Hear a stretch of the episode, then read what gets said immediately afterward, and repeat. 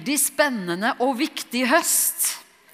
Og vi, eh, vi, vi taler budskap da, som Den hellige ånd tror vi legger over menigheten nå. Som han taler inn til menigheten. Kan være han holder på med det samme over hele kloden, for alt vi vet. Men vi vet i hvert fall at han eh, har satt retning for oss her nå, og det er at vi driver og taler om den visjonen som vi har fått her. Er det noen som kjenner Jesus Church sin femfoldige visjon?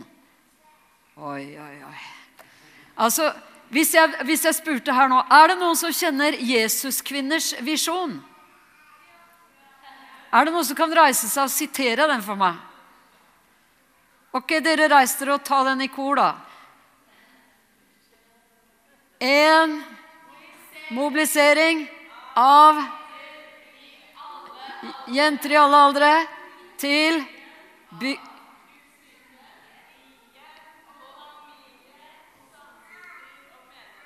Ok! Wow! Ok. I og med at vi trenger dette her eh, på, det, det, kjøres ut på skjerm, og så må vi ta den en, en gang til. da. Jesuskvinner har en visjon, og det er en mobilisering av jenter i alle aldre til byggingen av Guds rike i hjem og familie, samfunnsliv og menighetsliv. Wow! Jeg fikk den visjonen en gang, og for veldig mange år siden Snart 20 Nei, det er mye mer enn det. Jeg fikk den jo lenge før vi gikk ut og, og proklamerte en Jesusbevegelse for jenter i alle aldre. Men jeg fikk den visjonen, og jeg kunne sette meg og skrive den opp sånn som jeg fikk den. Og den har vært bærende for det arbeidet som har pågått i så mange år. Det er viktig med visjon! Uten visjon går folket til grunne, sier Guds ord. Vi må ha visjon. Vet du, Når du er som et menneske, så trenger vi en visjon. ikke sant? Hva er en visjon for en kristen? Hva er det for noe? Det å være en kristen, hva slags visjon har vi når vi, er, når vi, når vi bruker det navnet kristne? Hvor kommer ordet kristen fra? Kristus. Og hva slags visjon har vi når vi er kristne? Å bli mer og mer, ja, følge Jesus og bli mer og mer lik Jesus. For en livsvisjon, dere! Jeg, eh, skal vi se, jeg har en helt klar visjon. Det er å være en Jesus-person. Et eller annet sånn var det en eller annen gang. Noen som lagde en kjempefin sang. At eh, min visjon er å være en Jesus-person. Wow! Hvis du tar den visjonen der og går og grunner på den i livet, så blir veldig mange ting eh, veldig annerledes ikke sant? overalt hvor du er. Så det å ha en klar og tydelig visjon er svært viktig. Og for en forsamling er det også så viktig. Vi vet at vi har Matteus 28 og 18. ikke sant?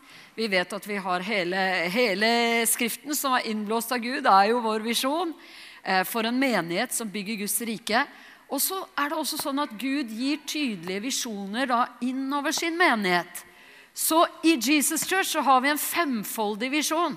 Nummer én er å være et åndelig hjem. Og alle, alle sammen sier 'hjem, kjære hjem'. Å, hjem, kjære hjem. Nummer to å være en ambassadør for evangeliet. En ambassadør for evangeliet, det er en visjon i Jesus Church. Og så har vi å være en misjonsbase. Og det er vi, altså. Vi, vi, sender folk ut til nasjonene hele tiden. Vet dere hva vi skal gjøre i 2023, i februar i 2023?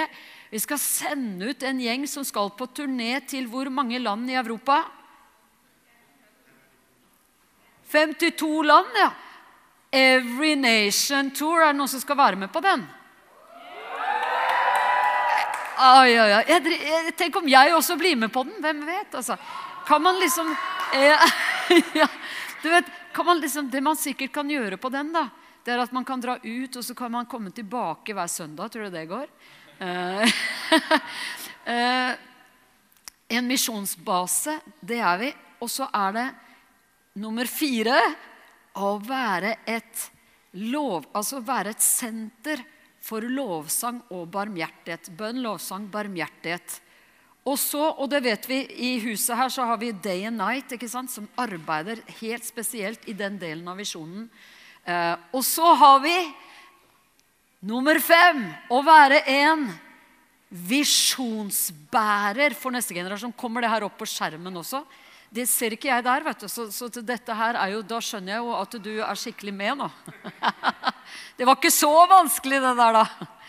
En visjonsbærer for neste generasjon. Og det, det, vi, det, har vi bare opplevd at Den hellige ånd bare løfter så sterkt opp for oss at vi skal være en visjonsbærer for neste generasjon. Og da kan det være lett å tenke ah, en visjonsbærer for neste generasjon. Ja vel, ja, men jeg er jo den neste generasjonen, så det her liksom, eh, det behøver jo ikke jeg tenke så veldig på. Hvor mange her er under 25 år? Wow, det er mange. altså. Reis deg hvis du er under 25 år, så tar vi en skikkelig applaus for deg. Yes! Det er bra! Good, good, good. Amen. Så skal, vi, så skal vi ikke ta sånn reis deg hvis du er over 50 år, OK? Å, da sitter folk og bare Nei, jeg fylte 50 forrige uke, liksom. Nei, jeg ble med på den. Over 50, ikke sant? Oi, oi, oi. Uh, men det er veldig, veldig fint å bli eldre og eldre, bare så alle unge vet det. At jo, jo eldre du blir altså det er, det er, helt nydelig å bli eldre, bare så du vet det. altså. Ja, der er det noen som er bare Yes! Ja, men virkelig, altså. Det, det er fantastisk å bli eldre. Åh, det er helt nydelig. Kan bare glede dere. Jeg møtte noen unge mennesker som liksom sa liksom, å, det er helt utrolig. Liksom. Nå blir jeg så gammel. Liksom. Jeg er 25 år. Jeg bare sånn, Hæ, hva er det du prater om? Altså, Hvis du tar den innstillingen når du blir 25, altså, hvordan går det siden da? liksom? Å nei, det er helt tragisk. Jeg blir 30 år. Nei, det er jo helt vidunderlig. 30 og 25 og 30 og 35, 40, 45, 50, 55, 60, 65, 70, 75, 80, 85, 90, 95, 100! Tenk å ha en visjon for livet ditt. At hvis Jesus drøyer så liksom på 100-årsdagen, da er det fyr i deg. altså. Ikke sant? Da driver du liksom, da er du virkelig, da har du virkelig fått fart på deg altså, i 100-årsalderen. 100 Så det gjelder å ha en, eh, veldig, sånn, det gjelder å ha riktige visjoner for livet, ikke sant? Yes! Så, dere, når vi da snakker om å være en visjonsbærer for neste generasjon Tror du folk mellom eh, liksom 18 og 25 år trenger å være visjonsbærere for neste generasjon? Ja, selvfølgelig. Den gjengen som dro ut her nå, som gikk over der Jeg var der eh, forrige søndag eh, og, og, var borte og så i Det grønne huset hvordan eh, møtene gikk der. Og du, du, så nå, Det var interessant å se når vi sa at nå går alle på Jesus Kids. Da forsvant tre pastorer og løp ut i det andre huset der nå. Så that's good. Eh, men altså det, det å være en visjonsbærer for neste generasjon, det gjelder absolutt unge mennesker å tenke hva slags forbilde er jeg for den neste generasjonen som kommer opp etter meg? ikke sant? Så når vi tar det temaet her nå, når vi snakker om det, når vi jobber med det, når vi vil ha det inn Wow, you're without translation. It's amazing. Folk forstår norsk. Altså, du, du, en, du forstår norsk, du nå. Da ser du, altså. Det er virk... du, her ser jeg folk ute som har gått fra at de satt med øre klokker for å, for å høre norsk, så, så, er de nå inne i norsken. liksom. Vet du hva? Språk det er en fantastisk ting altså, som Gud har gitt oss. Så vi trenger, alle, vi trenger sånne språkundere alle sammen. ikke sant? Så vi, så vi liksom er sånn spesialister på språk. Det er bra, altså! Good. Ok, så vi har det inne. Skal vi si det sammen? Kan du bli med på det, faktisk? En visjonsbærer for neste generasjon. A vision carrier for the next generation. Så overskriften i dag heter 'Et kall til neste generasjon'. Så det her er en dobbel dose, liksom en dobbel betydning forkynnelse som kommer i dag. Det er både kallet til den unge generasjonen og det er et kall til den unge generasjonen. ok? Så det ligger liksom både en utfordring inne her til unge mennesker om å reise seg opp og være et forbilde for alle de troende, samtidig som vi taler ut et kall til den neste generasjon. For vi er alle kalt til den neste generasjon. Vet du, Jeg har vokst opp med en mormor som nå har gått over til himmelen. Å, jeg tenker så mye på henne. Jeg savner henne. Gleder meg til å se henne igjen. Og vet du, Hun hadde bare en så bra stil over livet sitt at alle unge mennesker ville være sammen med henne. Det var Alle mine venner ville alltid være med min bestemor. Det å være med min bestemor, ah, det var bare best of the best of the best. Hvordan kan du leve et sånt liv? At du blir en sånn bestemor? Altså, Da sørger du for at du aldri blir bitter. Du blir alltid not bitter, but better. All the time. ikke sant? Hun levde på det der som jeg tror den generasjonen der levde på. Det er ikke hvordan du har det, Hun var gjennom krigen osv. Det er ikke hvordan du har det, men hvordan du tar det. Gud hjelper deg når du får skikkelig tøffe omstendigheter, så hjelper Gud deg til å midt i det ha det godt. Fordi han hjelper deg midt i krise, midt i livets vanskeligheter, midt i livets tøffe forhold. Vet du, Alle mennesker opplever ulike utfordringer ikke sant, av ulike slag. Men eh, noen opplever det mye tøffere, mye mer krevende enn andre. Vi har midt i vår forsamling folk som er kommet fra Ukraina, som kommer fra krig. Vi er i krig i Europa, ikke sant? og vi får nye mennesker som kommer til forsamlingen vår, som har forlatt alt, og som kommer hit. Jeg mener, Den situasjonen de er i, det må vi bare prøve å sette oss inn i. Men vi er ikke i stand til å fullt ut sette oss inn i det. Men vi må være med og hjelpe hverandre i ulike tider. Men min bestemor, altså hvordan hun levde og hvordan hun var, det var så attraktivt for den unge generasjonen. Det var liksom bare unge mennesker. Det var bare å henge med henne, altså. Det var, jeg mener, Vi tok bilder av alt som, altså bilder av Bibelen hennes, bilde av det ene og det andre, hendene hennes Jeg vet ikke hva vi ikke tok bilder av. Altså. Det var bare, Vi bare elsket, og jeg elsker fortsatt henne, hun lever jo, eh, elsket denne bestemoren. Hun var, altså Min bestemor var sånn. Ok, Janne, det her med Jesus Revolution eh, lys, lyd, trykk, dansere, røykmaskiner. Eh, jeg skjønner meg jo ikke på alt det der, men jeg kjenner igjen ånden i det der. ikke sant? Jeg er med dere når dere drar ut. Mine bønner er med dere! Ikke sant? Det er en bra generasjon som har forstått. Jeg har en visjon for neste generasjon. Jeg skal sørge for at den neste generasjon får gode forhold. Jeg skal være med og backe opp den neste generasjon. Men er det da sånn at når du skal backe opp den neste generasjon, så liksom så er det ikke tid for deg lenger? For du skal bare drive og backe opp neste generasjon, så da bare setter vi oss alle på sidelinjen. Og så bare heier vi fram den neste generasjon og den nye generasjon. Så bare tar vi det helt Så bare tok vi et liv på sofaen liksom, og bare heier på den neste generasjon. Er det det Herren har tenkt? Nei! Han har jo ikke tenkt at én generasjon skal erstatte den neste generasjonen. Det skal jo forsterke. ikke sant? Så det blir forsterkninger. Så vi alle går på, har jo Gud tenkt. Vi alle løper i våre løpebaner. Vi alle, Så du må jo løpe på som bare det hvis du skal heie på den neste generasjon. Hva er det beste du kan gjøre for den neste generasjon? Leve brennende for Jesus. Så lenge vi lever, være brennende engasjert, begeistret for Jesus, brennende engasjert for Guds rike. Ok, Matteus 16, 18, jeg bare siterer det. Hva holder Jesus på med i vår tid? Matteus 16, 18. Hva holder Jesus på med i vår tid? Jeg kommer det opp, vet du, så det er bare så lett, dette her. altså. Eh, det er liksom, eh, Der får, du, får vi det opp på skjermen. Det, det her, jeg mener, For en velsignelse det er at folk sitter på skjerm! La oss si det med en hånd der, altså. Det er skikkelig bra. It's good. Uh, og, og da, hva, hva, hva er det Jesus holder på med? Han bygger sin menighet. Og dødsrikets porter skal ikke få makt over den. Hva holder vi på med? Vi er med på det Jesus bygger. Han bygger sin menighet. Han bygger sin forsamling. Og i den er alle generasjoner sammen. I den er alle generasjoner påtenkt. Alle generasjoner er tenkt å få mat, utrustning, alt den trenger til, ikke sant? Men det er det ikke ofte sånn at, eh, at det er lett å liksom bare skyve ting over på noen andre. Så fint noen andre tar hånd om det der. Noen andre tar den derre øh, sørge for at alle, alle, har det bra, særlig barna. da. Noen tar liksom hånd om barna ikke sant? og sørger for at de får alt de skal. Nei, Guds menighet det er en agenda for Guds menighet å sørge for at barn har det bra. Ok. Barn er en visjon Jesus har. Derfor så har vi den også. Og vi er midt i den menigheten hvor Jesus reiser opp barn og unge mennesker.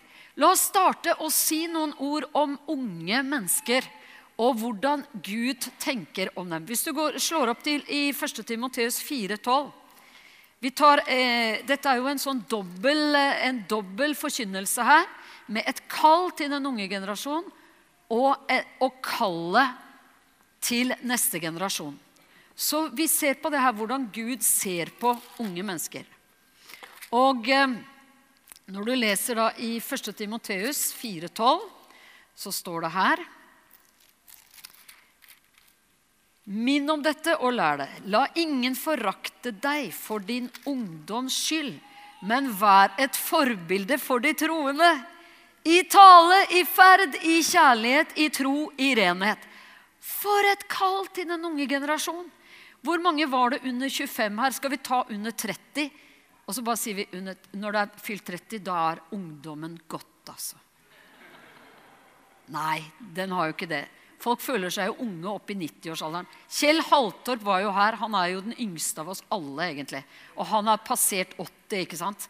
Han driver og reiser rundt. vet du. Jeg møtte han, og, jeg, skulle, jeg, og noen andre skulle til Kenya. Han var bare 'Hva driver dere med? Kan ikke drive og dra til Kenya?' Det er jo det letteste landet i verden å dra til. Det er 70% kristne der. Da hadde han akkurat kommet ut fra, fra Jordan, hvor han hadde sittet i fengsel. ikke sant? Eh, så ja så dere alle under 30, kan ikke dere reise dere? Alle under 30, Så du bare tenker 'Å, jeg fylte 30 forrige uke.' Ok. Eh, så Gi akt på deg selv. Og hør på dette, da. Vi leser det igjen. Vær et forbilde. Alle sier 'forbilde'.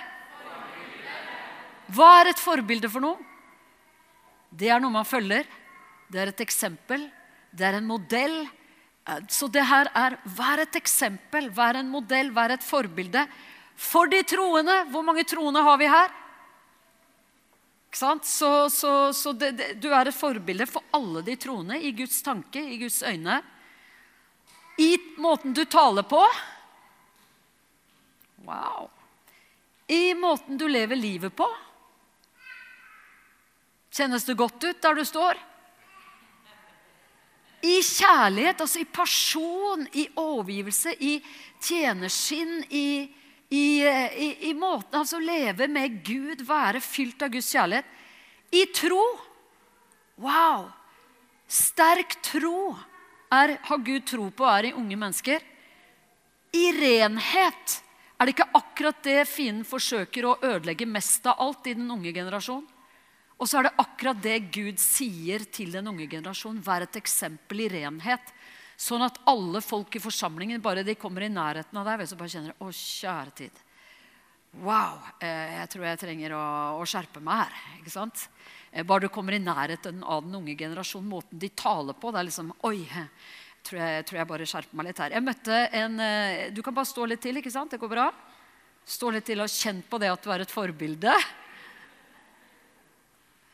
Jeg møtte en mor som fortalte meg hun hadde, hadde, det hadde gått, hun hadde blitt litt uh, trøtt og sliten av livet. Det var blitt litt mye, litt mye, ting som skjedde. og Ting gikk for fort, og ting gikk uh, ikke helt rundt. og Hun kom til søndagen, så var det bare Nei, jeg tror jeg bare jeg må bare ligge og sove. Jeg, jeg kommer meg ikke på møte, ikke sant. Og, og så hadde hun barna da, som bare vi må jo på møte! Vi er nødt til å gå på møte! Og vi bare, nei, vi, vi må ta det litt med ro nå. Liksom, eh, er dere ikke litt forkjølet, egentlig? Kan dere ikke ta det litt med ro? ikke sant? Vi, vi, vi, trenger å være hjemme i dag.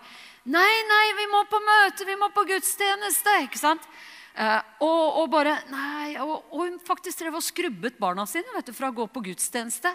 Så kom hun på en gudstjeneste, og Guds nærvær kom over henne. og Hun ble så velsignet, hun ble så salig, kom til seg selv igjen.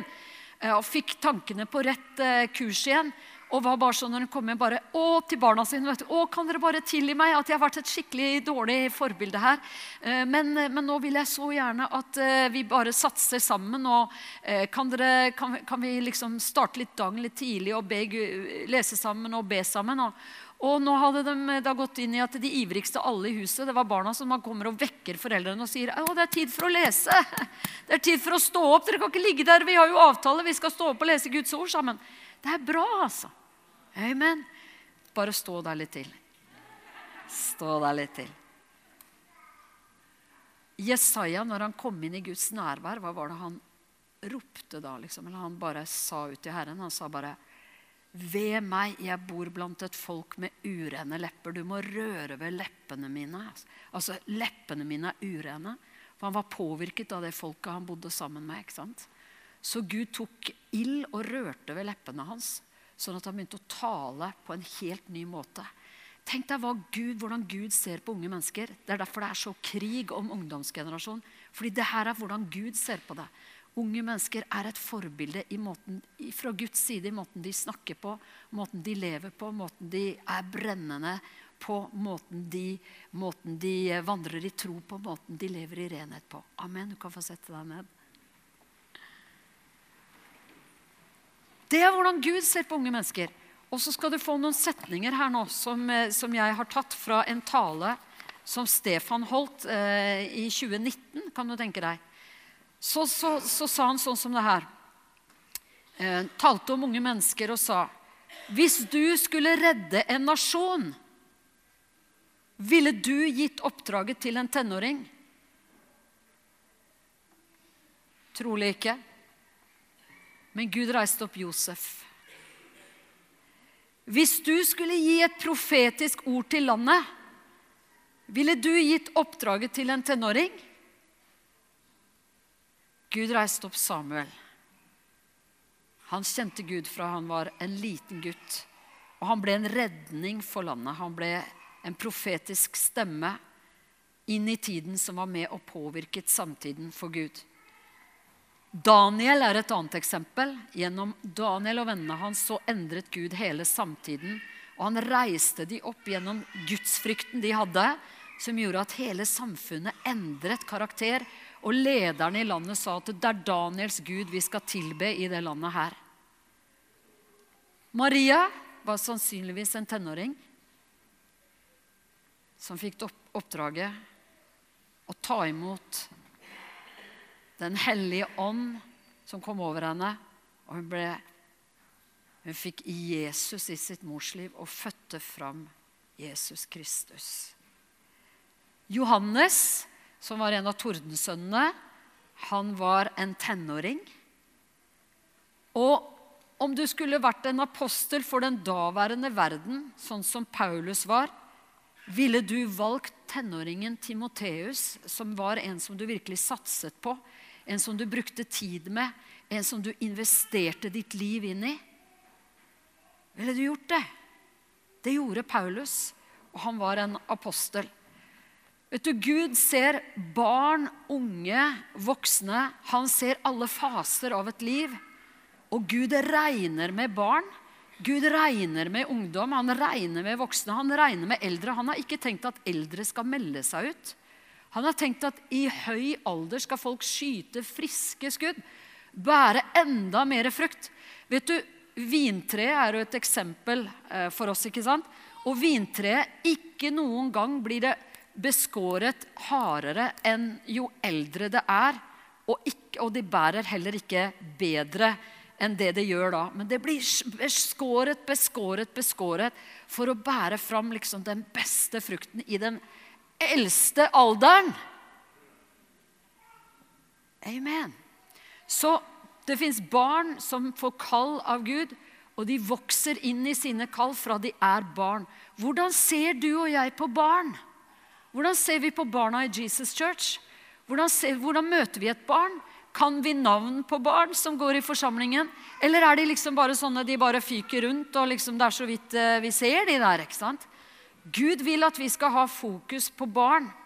Så Malakias 4,6 sier at Herren vender fedrenes hjerter til barna og barnas hjerter til fedrene. Det er det siste skriftstedet i Gamle testamentet.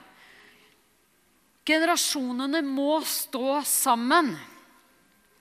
Og når vi da er kalt til å være visjonsbærere for neste generasjon, så vet vi at Gud da reiser opp barn, unge, midt i forsamlingen. I de ukene vi har vært inne i nå, så har, hvor mange har hørt de her talene som har gått ut nå, de, de tre, forrige, tre forrige søndagene? Forrige søndag var et kall til bønn. De tre søndagene før der handlet om å være visjonsbærere for neste generasjon. Hvor mange er som har hørt de talene der? Der hørte vi bl.a. Stefan har jo hatt tre gudstjenester om det her. Og bare opplevde at Gud har satt sånn retning på det her, at det her er så viktig. Det her er så viktig inn i tiden vår, det er inn, viktig inn i vår forsamling. Og Der har han undervist ikke sant, om at Moses trente opp Josva. Moses trente Josva. Men hvem var det Josva trente? Hvem er, hvem er eh, den som fulgte etter Josva? Jeg leser for deg i siste, siste verset i Josvas bok. Jeg skal lese for deg. Her står det Israel Det her er Josva 24, 31. Israel tjente Herren så lenge Josva levde, og så lenge alle de eldste var i live, de som overlevde Josva. Altså alle de som hadde stått sammen med Josva. Så lenge de levde, så tjente Israel Herren. De som kjente alle de gjerninger som Herren hadde gjort for Israel. Men når Josvas tid var ute, og de som hadde levd samtidig med Josva, deres tid var ute, hva skjedde da? Hvem tok opp arven? Hvem tok over etter Josva? Ingen! Så det ble kaos, rett og slett. Det som skjedde var at Det vokste opp en generasjon som begynte å dyrke avguder. Som bare tok etter alle mulige folk eh, rundt dem. Og de ble påvirket bare av alt som var omkring dem. Så de mistet helt troen. De mistet De hadde ikke lenger at de var eh, Josva han hadde jo vært et forbilde for dem på alle de her områdene. Tale, ferd, kjærlighet, kunnskap, tro, eh, renhet. Han hadde vært et forbilde for dem alle sammen helt fra han var ung. Han hadde vokst opp i det der. Men når han forsvant, så bare ble de påvirket av alt mulig. Det var ingen, det, var ikke det, det lyset var ikke der lenger. Og De begynte å dyrke avguder, og de kom på avveier. og Gud begynte å reise opp dommere for å prøve å få orden på folk. Men det står Dommernes bok. Det er den boka jeg alltid gruer meg til å komme til. Når, jeg, når vi leser gjennom Bibelen, så er det liksom sånn Å, dommerboken! Det er fantastisk de første seks-syv eh, kapitlene til Gideon og der. Men så liksom bare det bare sklir helt ut. Og det er bare forferdelig å lese den boka. Det er liksom, å, det er tragisk. Og så står det bare at på den tiden der så gjorde folk det de selv fant for godt. Det var bare kaos. Det var ingen som fulgte Herren.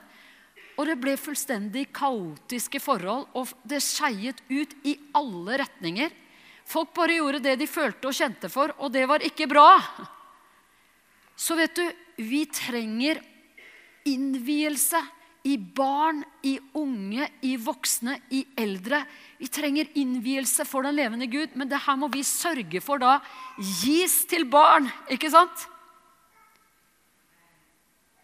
Å være en visjonsbærer for neste generasjon.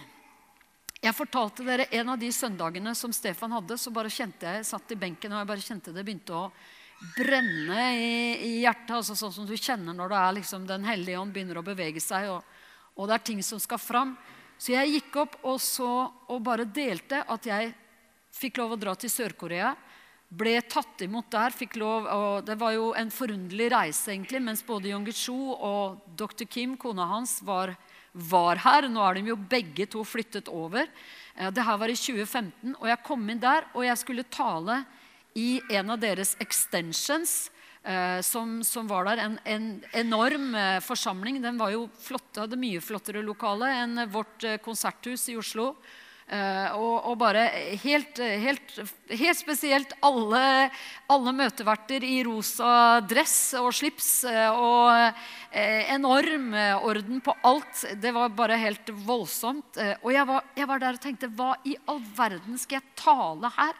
Ikke tale i Jongesjons menighet. Liksom. Det bare føltes veldig spesielt. Og jeg var bare Gud, jeg har jo ingenting å formidle til den forsamlingen her. Hva, hva i all verden jeg, hva, hva, hva, gjør jeg nå? Hva skal jeg tale? Nå må du Ja, hvis du kan bruke meg her, du må gi meg et budskap. Og jeg fikk et budskap. Og jeg stilte meg opp og talte da sammen med tolken der eh, i det møtet. Og jeg fikk et ord om overføring til neste generasjon. Og mens jeg står og taler, så begynner tolken å gråte ved siden av meg. Og jeg begynte å se på alle de her i rosa dresser og sånt. De bare satt og gråt. Og jeg bare Kjære Gud, hva er det som skjer? Fordi at jeg begynte bare å tale og sa til alle unge mennesker som var i den salen Jeg sa bare Dere, den, den voksne generasjon, den eldre generasjon som har gått foran, de har trodd Gud. De har kommet ut av den dypeste fattigdom, det sterkeste mørket. Altså, de, de har kjempet Jon og disse, når de begynte å be, de lå under filleryr for å holde seg varme. ikke sant? De, deres eh, nasjon var på 0,1 eller annet 0% kristne i landet. Evangeliske kristne. De ba og de ba og de ba om at Gud skulle redde nasjonen, at Gud skulle føre dem fram, at Gud skulle utbre evangeliet i landet deres. De ba og de ba og de ba og de ba. Og det skjedde. I dag i Seoul så er det 40 kristne. Altså det, Hele landet har skiftet fullstendig karakter på 50 år bare. Det er en helt enorm gjerning. Altså det, er bare sånn, det er bare helt voldsomt. Og de bygde opp bygninger. De hadde ingenting, men de begynte å gi, og Gud begynte å velsigne dem. Altså Det fins mange milliardærer i den forsamlingen. Eh, som, som bare, de har bare begynt å gjøre enkle ting. Begynte å gi tiende, hellige gaver. Begynte, levde bare for å, og det gjør de fortsatt, bare fylle Guds rike med, med alt som trengtes for Guds rike. Alt som trengtes for Guds menighet. Og, og, og, så Gud bare velsignet og velsignet og velsignet. Så de har bygget opp enorme bygninger. Eh, de har bygget opp, de har et enormt bygg som er liksom avisbygg, bare. De Har, eh, når du kommer dit, så er det noen, en enorm inngang med liksom eh, bønnehender over. Det er, det er massive bygninger. Det er, det er, helt voldsomt. Det er svære kvartaler som bare forsamlingen eh, rår over. ikke sant? Av bygninger. Og jeg var bare, jeg sto der og talte. jeg bare, denne, den, den, eldre generasjonen, de kan gi dere bygningene. De kan gi dere, de kan gi dere alt, alt, det der som Gud har gitt dem, eh, som, de, som, bare, som bare kommet til dem mens de har arbeidet for Guds rike. Men de kan ikke gi dere overgivelsen.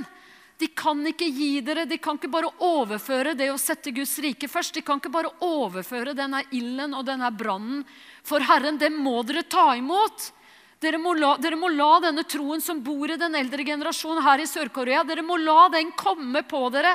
Dere må, dere, må, dere, må, komme inn i det samme. Dere må ikke ta det for gitt.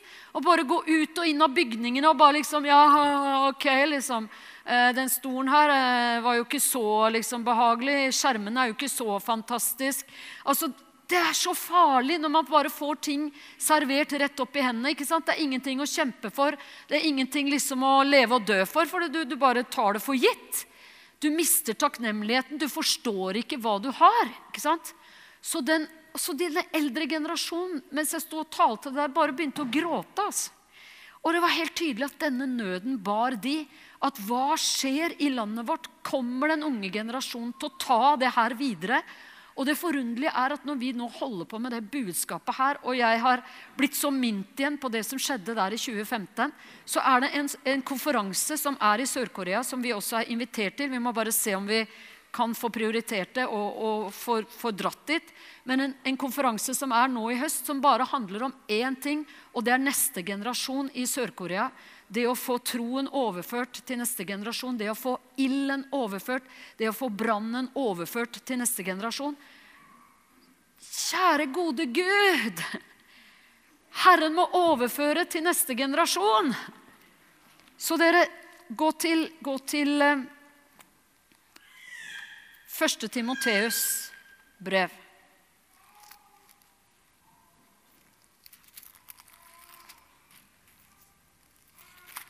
Det er både, både, helt nydelig, herlig, gøy, morsomt, alt mulig. Jeg kan bare tenke meg hvor gøy de har det i det grønne huset der nå, mens vi sitter her. Eh, ikke sant? Men det er alvor. Det er skikkelig alvor. Hvis ikke vi lykkes med det arbeidet som, som vi gjør for for barn i Jesus Church så lykkes vi ikke i det hele tatt. Hvis ikke vi lykkes med det vi har som vi kaller for Jesus Kids, så lykkes ikke vi som forsamling. Og det her må vi stå sammen om. At de, de, de barna våre skal ha det beste. En eh, antydning til applaus der, den kan vi jo henge oss på.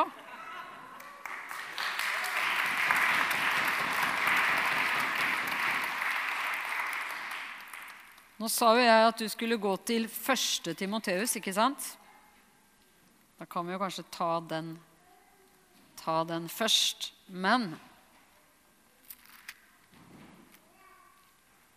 Men vi går til, vi, vi går til andre. Er, disse brevene vet du, de går litt sånn der Er det andre, eller er det Eller er det første? Andre Timoteus, kapittel 1 så står det, ikke sant? Jeg er blitt minnet om din oppriktige tro, den som bodde først i din mormor Louise og i din mor Aunike, og som jeg er viss på også bor i deg. Troen hadde gått fra mormor til mor og til neste generasjon. Og disse generasjonene kvinner de hadde vært brennende i ånden. Altså, og Derfor så ble det overført til Timoteus. Hvis du blar om der, og så leser vi i eh, kapittel 3 og, og vers 15. Helt fra barndommen av, skriver Paulus til Timoteus, så kjenner du de hellige skrifter, som kan gjøre deg vist i frelse ved troen på, Jesus, på Kristus Jesus. Hvordan kjente Timoteus de hellige skriftene? Han hadde blitt opplært i dem. Noen hadde lært han opp i, i skriftene helt fra han var barn. Er det noen her som skulle ønske det, at du hadde blitt opplært i Skriftene fra du var barn? Ikke sant? Jeg tror det er det eneste som jeg liksom eh, kan se meg tilbake og si at jeg angrer på. Det er at ikke Jesus ble herre i livet mitt, ordentlig herre i livet mitt før jeg var 22 år gammel. Det er det eneste jeg liksom ah, jeg, ha, jeg hadde så bra hjem, så jeg kunne bare ha fortsatt uten avsporing. Men så det er det eneste at det var Tenk, så, tenk det beste av alt, å bli opplært i Skriftene fra du er barn, og så gjøre som Timoteus. Det er bare den troen som bodde i din mormor, som bodde i din mor, den er i deg, Timoteus. Ta imot nåde fra Gud, ta imot nådegaver. Eh, Paulus la sine hender på Timoteus, og han, ble, han fikk overført nådegaver. Han ble reist opp som en leder som, som en, en, ung person. Men tror du Guds nåde kan slå inn hvis du ikke har blitt opplært i Skriftene fra du var barn? Tror du Guds nåde kan slå inn i deg, sånn at du kan bli opplært i Skriftene med en gang Jesus blir herre i livet ditt? Så kommer du inn i forsamlingsliv, og ikke bare er det underholdning der, men det, du blir opplært i Skriftene. Du kan gå på bibelskole, du kan bli med i Jesus Revolution. Du kan bli opplært til å tjene den levende Gud, til å, til å, bli brennende for Jesus, til å kjenne den levende Gud, til å leve med Den hellige ånd. Tror du det er nåde for det? Yes! Så hvis, du, hvis, hvis, hvis det ikke har skjedd fra du var barn, så kommer Guds nåde i det øyeblikket du tar imot Jesus som Herre. Så begynner Den hellige ånds arbeid og virksomhet. Og Den hellige ånd har jo vært der lenge før vi tok imot Jesus som Herre. Gud han søker jo hvert eneste menneske og legger sin godhet over alle mennesker. Og forsøker å dra alle hjem. Alle, dra alle til seg. Men det her, det her, det her alvoret da, med å tenke Hvordan tenker en forsamling som skal se det her skje? Hvordan tenker en menighet som skal se at, eh, at det her overføres Ordspråket 22,6 sier 'lær den unge den veien han skal gå', så viker han ikke av fra den når han blir gammel. Og 5. Mosebok 6,7 sier 'du skal innprente dem i dine barn', Guds ord. Du skal tale om dem. Når du sitter i ditt hus, når du går på veien, og når du legger deg, når du står opp. er det noen foreldre her? Der, og, altså, Herren vil at du skal innfremte ordet i barna. Du, du, når du sitter hjemme, så bare taler du som Guds ord. vet Du Du behøver ikke å si det at ja, nå skal vi ta en andakt. ikke sant? Du kan bare tale som Guds ord. Når du går på veien, er på vei til bussen, og taler, taler som Guds ord. Når du legger deg, når du står opp. Oi, oi, oi. For en oppgave altså, til foreldre Femte Mosebok 4,9 sier 'gjør det kjent for dine barn og barnebarn'. Paulus sier 'bli mine etterfølgere liksom jeg etterfølger Jesus'. Vet du hva? En, en, eh, en Herrens tjener som jeg hørte tale i tror jeg var forrige uke, nei, kanskje forrige uke der igjen, i Stockholm, en som heter Billy Wilson. Han leder noe som heter Empower 21, hvor vi er med. Vil si Empowerment of the Next Generation. Det er et, sånt, eh, et sånt globalt arbeid som arbeider for at den unge generasjon ikke bare skal de kjenne Skriftene, men de skal også bli fylt av Den hellige ånd. De skal få overført, de skal bli empowered med Den hellige ånds kraft og virkelig få oppleve Den hellige ånd og ild over sitt liv. Og bli, bli, bli oppleve at Den hellige ånd eh, overføres til neste generasjon. Og han sa, han sa en setning som var sånn som det, at han hadde begynt å spørre seg selv han er vel sånn oppi, han nærmer seg vel 70, han, tenker jeg. Og, og sier er, han, er, han, er, også president på ORU, dere som vet hva det er. Oral Roberts University i USA. Han er leder for eh, pinsebevegelsen i verden, og han er, han er leder litt av hvert. Men han bare sa har jeg, har jeg latt meg fylle nok av Den hellige ånd til den grad at det påvirker neste generasjon? Er jeg så fylt av Den hellige ånd at livet mitt påvirker neste generasjon. Det skal ikke stå på Den hellige ånd, i hvert fall. Det der lar vi oss fylle sånn at vårt liv det påvirker neste generasjon. Jeg skal bare ta oss og lese noen Før vi skal ta og be sammen her, så skal jeg ta oss og, og lese bare noen skriftsteder som har gått igjen de søndagene vi har hatt nå. For Den hellige ånd arbeider med oss for å få det her ordentlig inn i oss.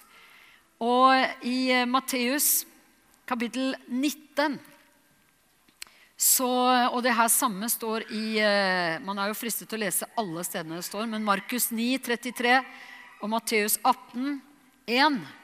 Så, men vi leser fra Matteus 19, 13 og 14, så står det at de, de, de, folk begynte å bare bære små barn til ham for at han skulle legge hendene på dem. at Jesus skulle legge hendene på dem. Men disiplene truet dem. Hvorfor gjorde de det? Hvorfor truet disiplene de foreldrene som kom med barna sine til Jesus for at han skulle legge hendene på dem? Fordi de skjønte ikke betydningen av barn. De forsto ikke hvordan Jesus så på de barna. De, de tenkte det her er bare barn. Og er det ikke, er det ikke lett også i samfunnet og i Guds menighet og bare tenke nei, men det er jo bare noen barn, det der. Det der er jo bare barna. altså. La oss, få, la oss, holde på med det som virkelig teller her. La oss holde på med det som virkelig er viktig. Det der er jo bare barn. Så de, ikke, de var ikke på nett med Jesus. Og vi som Guds menighet, som Jesus Church, vi må være på nett med Jesus i måten vi ser på barn på. Så Jesus sa, 'La de små barna være, og hindre dem ikke fra å komme til meg.' For himlenes rike hører slike til. Og vi vet at Jesus, han sa også Han eh, utfordret skikkelig da og bare sa det at eh, den måten som eh, dere tar imot et lite barn på, det er den måten dere tar imot meg på. Når han skulle vise hvem er det som er stor her, hvem er det som er størst her? Hvem er det som er en tjener? Eh, hvem, hvem er liksom de store blant dere? Og de hadde den debatten der. Hvem er best og størst og viktigst av oss? Da tok Jesus et barn, og han stilte det. står at han stilte det barnet fram, og så tok han det etterpå opp. Løftet det opp, og så sa han at eh, den som tar imot et slikt lite barn, han tar imot meg. Og det var da vi fikk det her, Stefan fikk den skikkelig utfordrende tanken at måten vi tar imot et barn på i Jesus Church, det er måten vi tar imot Jesus på. Oi, oi, oi. Dere, skal du få reise deg opp, og så skal vi, skal jeg, eh, bare, skal vi ta en eh, siste ting her. Takk, Herre. Vi har talt lenge og vel, så mye de klarte å bære. For noen så er det her bare Å, kjære tid, kom igjen, liksom. Budskapet om å være en visjonsbærer for neste generasjon, det flyr langt over hodet på meg. Ikke sant? Og for andre så er det bare å gode tid å være en visjonsbærer for neste generasjon, det er noe jeg lever daglig. Fordi at jeg har små barn i mitt hjem som jeg er et forbilde for 24-7. ikke sant? Uh, men uansett hvilken livssituasjon vi er i, så trenger vi å tenke at vi er forbilder for noen andre. Og vi må ha, vi må ha et syn for, på vårt liv at når vi, er, når vi er ute av tiden, da må vi ha lagt igjen noe til de generasjonene som kommer etter oss. Den som er ung her inne, som er under Vi sier at vi kan være unge opp i 80-årsalderen da. ikke sant? Ok, vi går for den. Men samtidig så fins det noe Det fins en tid i livet som er ungdomstid, ungdomsalder. Og hvordan ser Gud på det? Hvordan ser Gud på tenåringer og unge mennesker? Hva er det de skal være? Forbilder for alle de troende. Det er Guds tanke. Derfor er det en enorm kamp om den unge generasjon. Nettopp fordi at de er kalt til å være forbilder for alle i det løpet og det livet de lever. Derfor kan du bare tenke deg hvor mye kraft Den hellige ånd har å øse ut over den unge generasjonen. Og så er det bare viktig for oss å tenke at eh, det går an å, går an å ta imot Uansett hvem du er, hvilken alder du er i, hvilken fase av livet du er i, så går det an å ta imot et kall til den neste generasjon. Og bestemme seg for at jeg skal legge til rette for den neste generasjon. Jeg skal ikke være en sånn person som klager på alt mulig i den unge generasjonen. Jeg skal være en sånn person som taler velsignelse, taler vel, backer opp, forløser, støtter den unge generasjonen. Vet du hva, hvis du, hvis du lever med tenåringer i huset Det dummeste du gjør, det er å drive og klage på tenåringene dine sent og tidlig. Det er, det er nedbrytende både for deg og tenåringene dine. Jeg er så takknemlig for at når jeg vokste opp i det hjemmet jeg gjorde Jeg var ikke en god tenåring å ha med å gjøre, tror jeg. Men jeg fikk kjærlighet fra mine foreldre når jeg fortjente det minst. Og det hjalp meg, altså. Det hjalp meg så mye! Takk, gode Gud, hvilken velsignelse det var.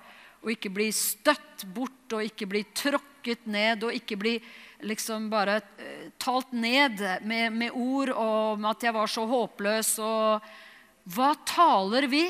Unge mennesker er kalt til å være forbilder i måten de taler på. Hva da med oss som er eldre? Da har jo vi passert den tiden hvor vi var forbilder som var unge. da. Så da har vi jo kommet forbi det der, der hvor vi fikk det uttalt i Guds ord. Så det er jo noe vi lever i. ikke sant? Å, kjære Gud, hjelp oss. Vi har urene lepper kanskje og må trenger ild over hva vi taler og hva vi sier.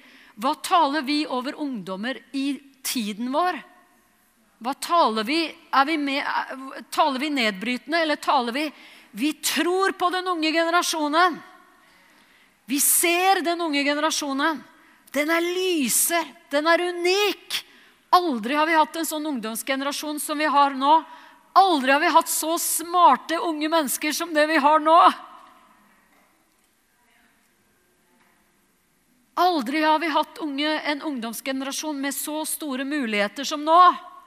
Begynner vi å tale sånn?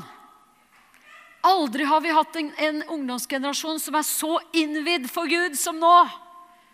Aldri var det noe som var på descend, ikke sant? Stort sett unge mennesker. Er det ikke bra? Aldri har jeg sett det kan jeg vitne om selv, aldri har jeg sett unge mennesker, så mange unge mennesker be for så mange syke og se så mange helbredet som jeg ser nå. Aldri opplevd før. Vi har holdt på i Europa i 25 år, som vi skal feire at vi har holdt på å arbeide i Europa. I 25 år. Aldri har jeg sett så mange unge som opplever at de legger hendene på syke, og de blir friske. Fordi de har en frimodighet som jeg aldri har sett før. Fordi de ber, og så ber de igjen, og så ber de igjen. Jeg møtte en jente som ba 13 ganger for en mann. Og den 14. gangen så var han frisk. Det skjedde her i Oslo foran Stortinget på et gatemøte. Det er den unge generasjonen. Hun bare ga seg ikke. Hun bare 'Nei, men du, kan jeg bare be igjen?' Ja da, bare be igjen. Han var jo åpen for det. Han hadde jo gått forbi der på krykker ikke sant? og kom i berøring med en skikkelig herlig, brennende eh, ungdom som var en del av et gatemøte der. Og, og han bare Ja, be igjen. Ja, jeg, jeg tror jeg tar og ber igjen, jeg. Ja, men eh, be igjen, du. Det kan jo ikke skade, det. Den 14. gangen så gikk Guds kraft gjennom ham.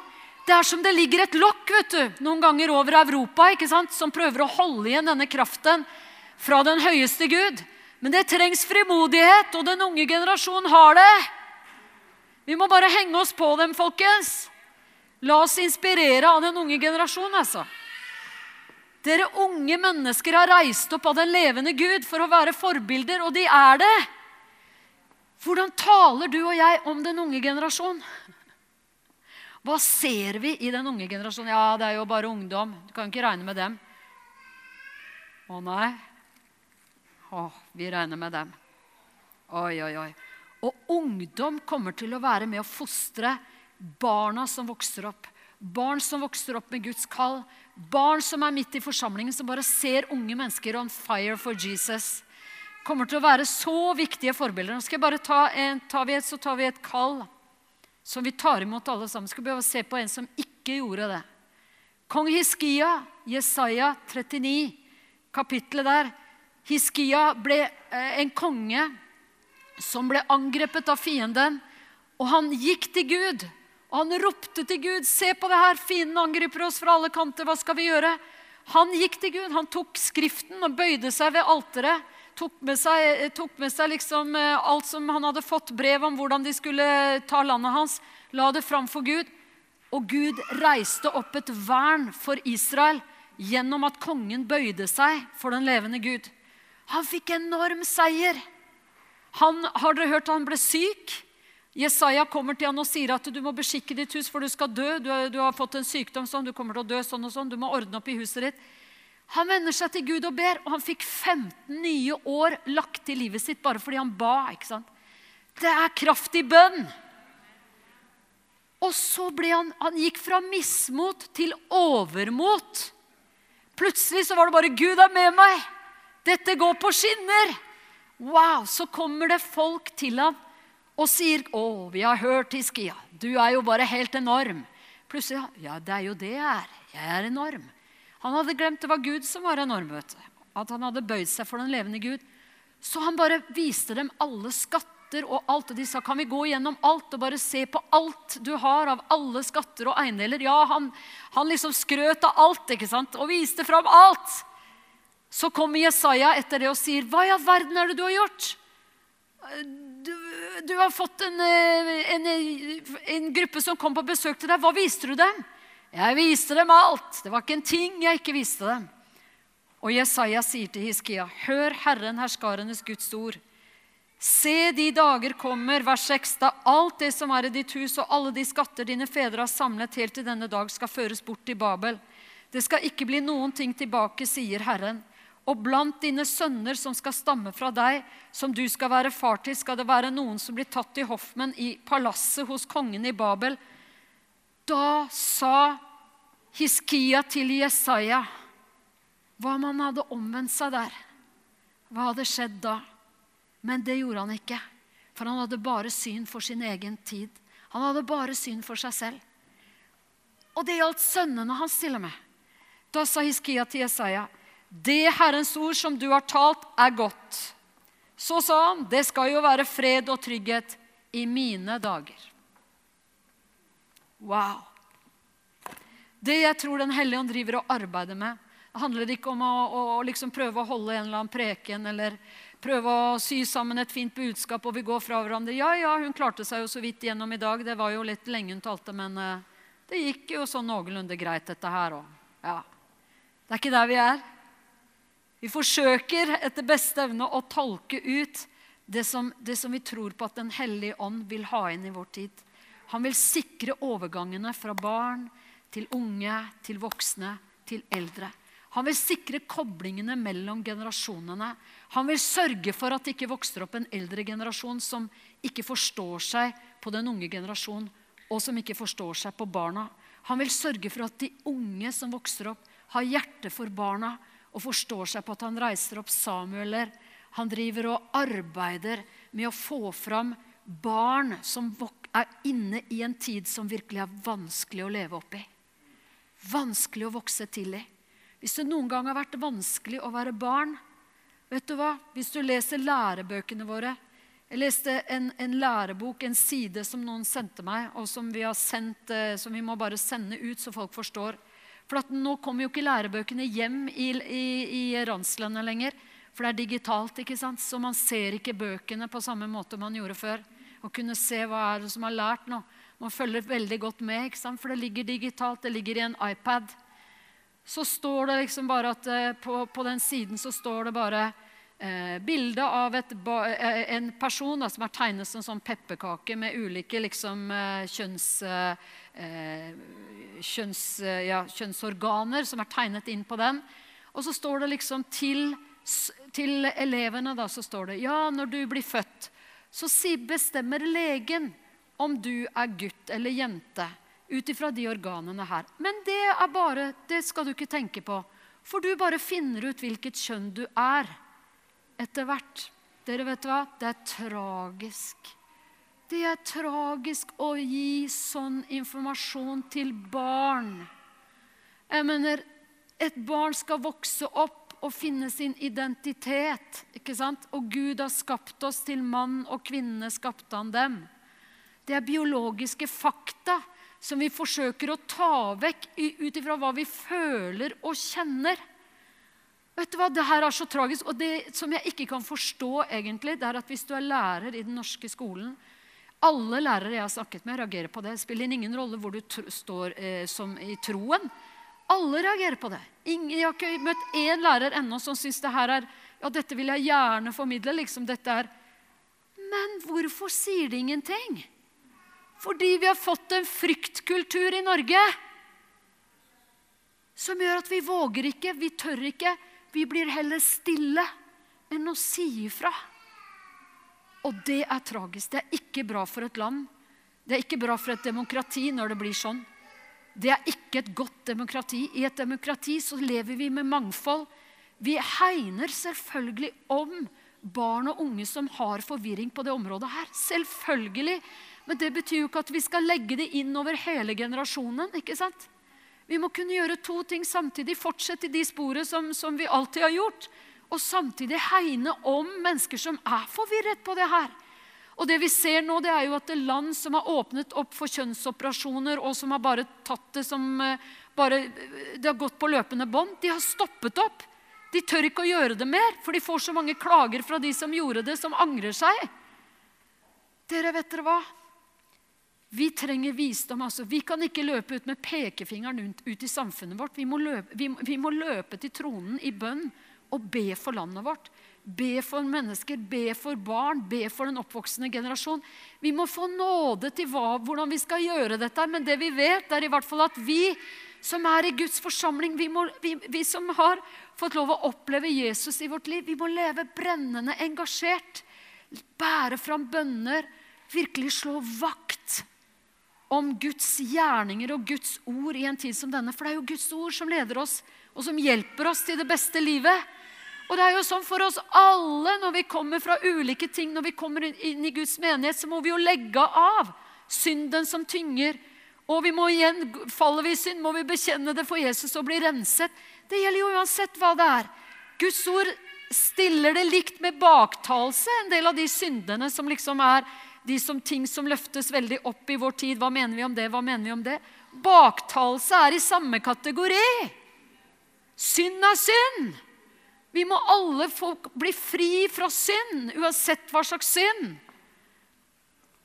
Å komme til Kristus i en tid som denne. Jesus er håpet. Og jeg mener, Gud vil, Gud vil vekkelse, men Gud vil også reformasjon, selvfølgelig, av samfunnet vårt. Gud vil, Gud vil hjelpe, lede. At vi skal be for de som er i høy stilling, så de kan lede godt og velsignet. Det er så mye press over den som leder. Det er så mye, en, enormt mye press over ledere. Du må mene det her. Og vet du, hvis vi får meningstyranni, da har vi ikke, det er ikke demokrati. I demokrati så lever vi godt sammen med ulike meninger. Vet Du du klarer å stå litt til, ok? Päivi Resenen i Finland ble, kom opp i en rettssak fordi hun sto for Guds ord, hva det sier om samkjønnede eh, ekteskap osv. Hun sa leste fra Guds ord og siterte det på sin, sine, sin Twitter, en twittermelding.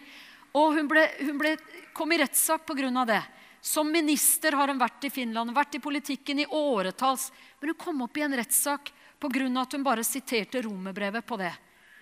Vet du, en av de som sto mest sammen med henne i Riksdagen, det var en som levde i et, i et li, likt forhold. Altså et, eh, en mann som levde i et sånt forhold. Han var hennes fremste forsvarer og medspiller, og de to sa til hverandre Han sa, 'Jeg forsvarer din rett, Pavy, til å mene det du mener.' Og Pøyvi sa selvfølgelig, 'Du mener det du mener.' Altså, vi, det betyr ikke at vi ikke kan leve med forskjellige meninger i et samfunn. Men vi må stå på det her. Sannheten, tro i kjærlighet. Amen. Og vi må få visdom i tiden vi lever i, til å se at Jesus blir løftet opp, han som er folkenes redningsmann. Amen. Vi må ut av fryktkulturen. Den fullkomne kjærlighet driver frykten ut av oss. Og når du da får tale sånn som andre taler om sine ting, så får du tale om det som har fylt deg. Så blir det Det er den måten vi skal leve på, den måten vi skal stå i det her på. At Like naturlig som det er for andre å tale om alt det de tenker og alt det de tror på, like naturlig er det for oss. Å tale om det vi tror på, og det som bor i oss. Og på den måten der så bor troen i oss, og den overføres, og den fortsetter. Aldri har det vært så vanskelig å være barn. Aldri har det vært så vanskelig å være barn som nå. Så kanskje er det veldig spesielle grunner for at Den hellige ånd løfter det opp. At vi, skal, at vi skal tenke på barna, at vi skal sørge for at barn har det godt, at barn trives, at barn er i fokus. Og at barn virkelig får tjene for å ha det gøy, for å være fri. Det skal ikke være sånn vet du, at uh, er, du, er, du, en som uh, Ja, 'Å ja, du, du, gjør det, du. Du likte det og det.' Ja, da er du sånn og sånn, du. Ikke sant? Da har vi jo helt stereotype kjønnsrollemønstre, da. Det har vi jo ikke. Vi er skapt til mann og kvinne, men en, en kvinne kan jo eh, leke med biler like mye, og en gutt kan jo leke med dukker like mye. Det er jo ikke det det, ikke det, det handler om. Da er vi jo i stereotypene, da. Så det, jo, det er jo helt ulogisk, dette her. Ikke sant? Hvis du setter den merkelappet på en, som lekte, en jente som lekte med biler, da er man jo inne i stereotypene. ikke sant?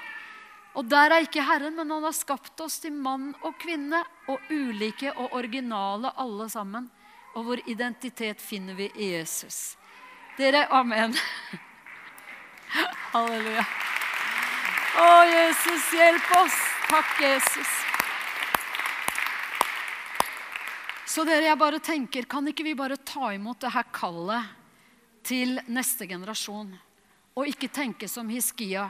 At det, jo, det er jo greit nå, fordi jeg har jo overlevd dette her. Så, så lenge det går bra for meg, så er det jo det samme hvordan det går med resten, og hvordan det går i samfunnet, og hvordan det går med oppvoksende generasjon. Så lenge jeg har det bra, skal vi ikke bare ta imot det kallet? Skal vi bare løfte hellige hender, og skal vi gå inn i nattverd sammen? så takker vi deg, Herre. Vi priser og lover deg for disse tidene vi er i, som er sånne brytningstider. Så takker vi deg for at det er seierstider. Det er seierstider for ditt evangelium, Herre. Og ditt evangelium har det beste for alle mennesker. For så høyt har du elsket verden at du ga din sønn, den enbårne, for at hver den som tror på han, ikke skal gå fortapt, men ha evig liv. Du sendte ikke din sønn til verden for å dømme den, men for at verden skulle få evig liv ved ham. Vi takker og priser deg for dette evangeliet har gått sin seiersgang gjennom alle tider, gjennom slektene, Herre. Og vi takker og priser at evangeliet går sin seiersgang over kloden i dag, Herre.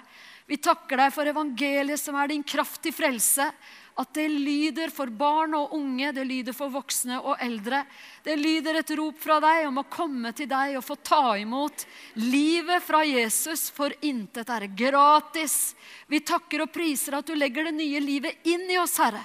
Og nå står vi her innenfor deg, far, med hellige, løftede hender og takker deg for den nåden du har gitt oss. At du har renset oss i Jesu Kristi blod. At vi får gå inn i nattverd nå, Herre. Og at det, i det vi står her, så sier vi ja. Vi vil være med og overføre troen, den troen som bor i oss, som bodde i mormor, som bodde i mor, som nå bor i meg, at den skal overføres til neste generasjon og generasjoner som kommer etter meg, Herre. Vi vil ikke bare leve med vårt eget for øye, vi vil leve med ditt rike for øye. Og i ditt rike er alle generasjoner sammen. Vi takker og priser deg for det, far. Og du vender generasjonenes hjerter til hverandre. Vi priser deg for det i Jesu Kristi navn. Amen. Amen. Halleluja, Herre. Å, vi takker deg, Jesus. Takker og priser og lover deg, Herre. Halleluja. Takk, Jesus. Dere, nå kommer det et skifte. I tiden vi er i nå, så kommer det et skifte. Så vi bare sier at Gud han bygger ikke bare sin menighet for barn, men han bygger sin menighet med barn. Barn skal ikke bare lære om Jesus, barn skal erfare Jesus. Barn skal ikke bare høre om Den hellige ånd, barn skal få erfare Den hellige ånd. Amen. Og vet du, når man står bak der Jeg var stort sett bak der forrige søndag, i det salige eh, livet bak der med små barn. Det er som en babyboom i forsamlingen her nå. Og mange små barn som vokser til. Og noen ganger når du, når du er der Husker første gang som jeg eh, begynte å liksom komme i den fasen der. Så var jeg plutselig sto der bakerst, og jeg var bare Kjære Gud, har, har, eh, har Guds herlighet eh, løftet fra Guds menighet? Hvor er herligheten? Hvor er nærværet? Fordi jeg var vant til å stå selv ikke sant? og kunne bare glemme alt og bare stå og prise Gud. Mens nå måtte jeg bare ha, følge med på liksom, hva skjer der, og den krabber der, og den er der. og og vet du, Noen ganger så kan du stå bak i en sånn situasjon med små barn og så tenke Nei, men Er det noe vits i at jeg kommer hit? For det første er det, så er det utrolig slitsomt å dra ut med barn. Du skal ha med så utrolig mye oppakning. Det er jo som å dra på telttur.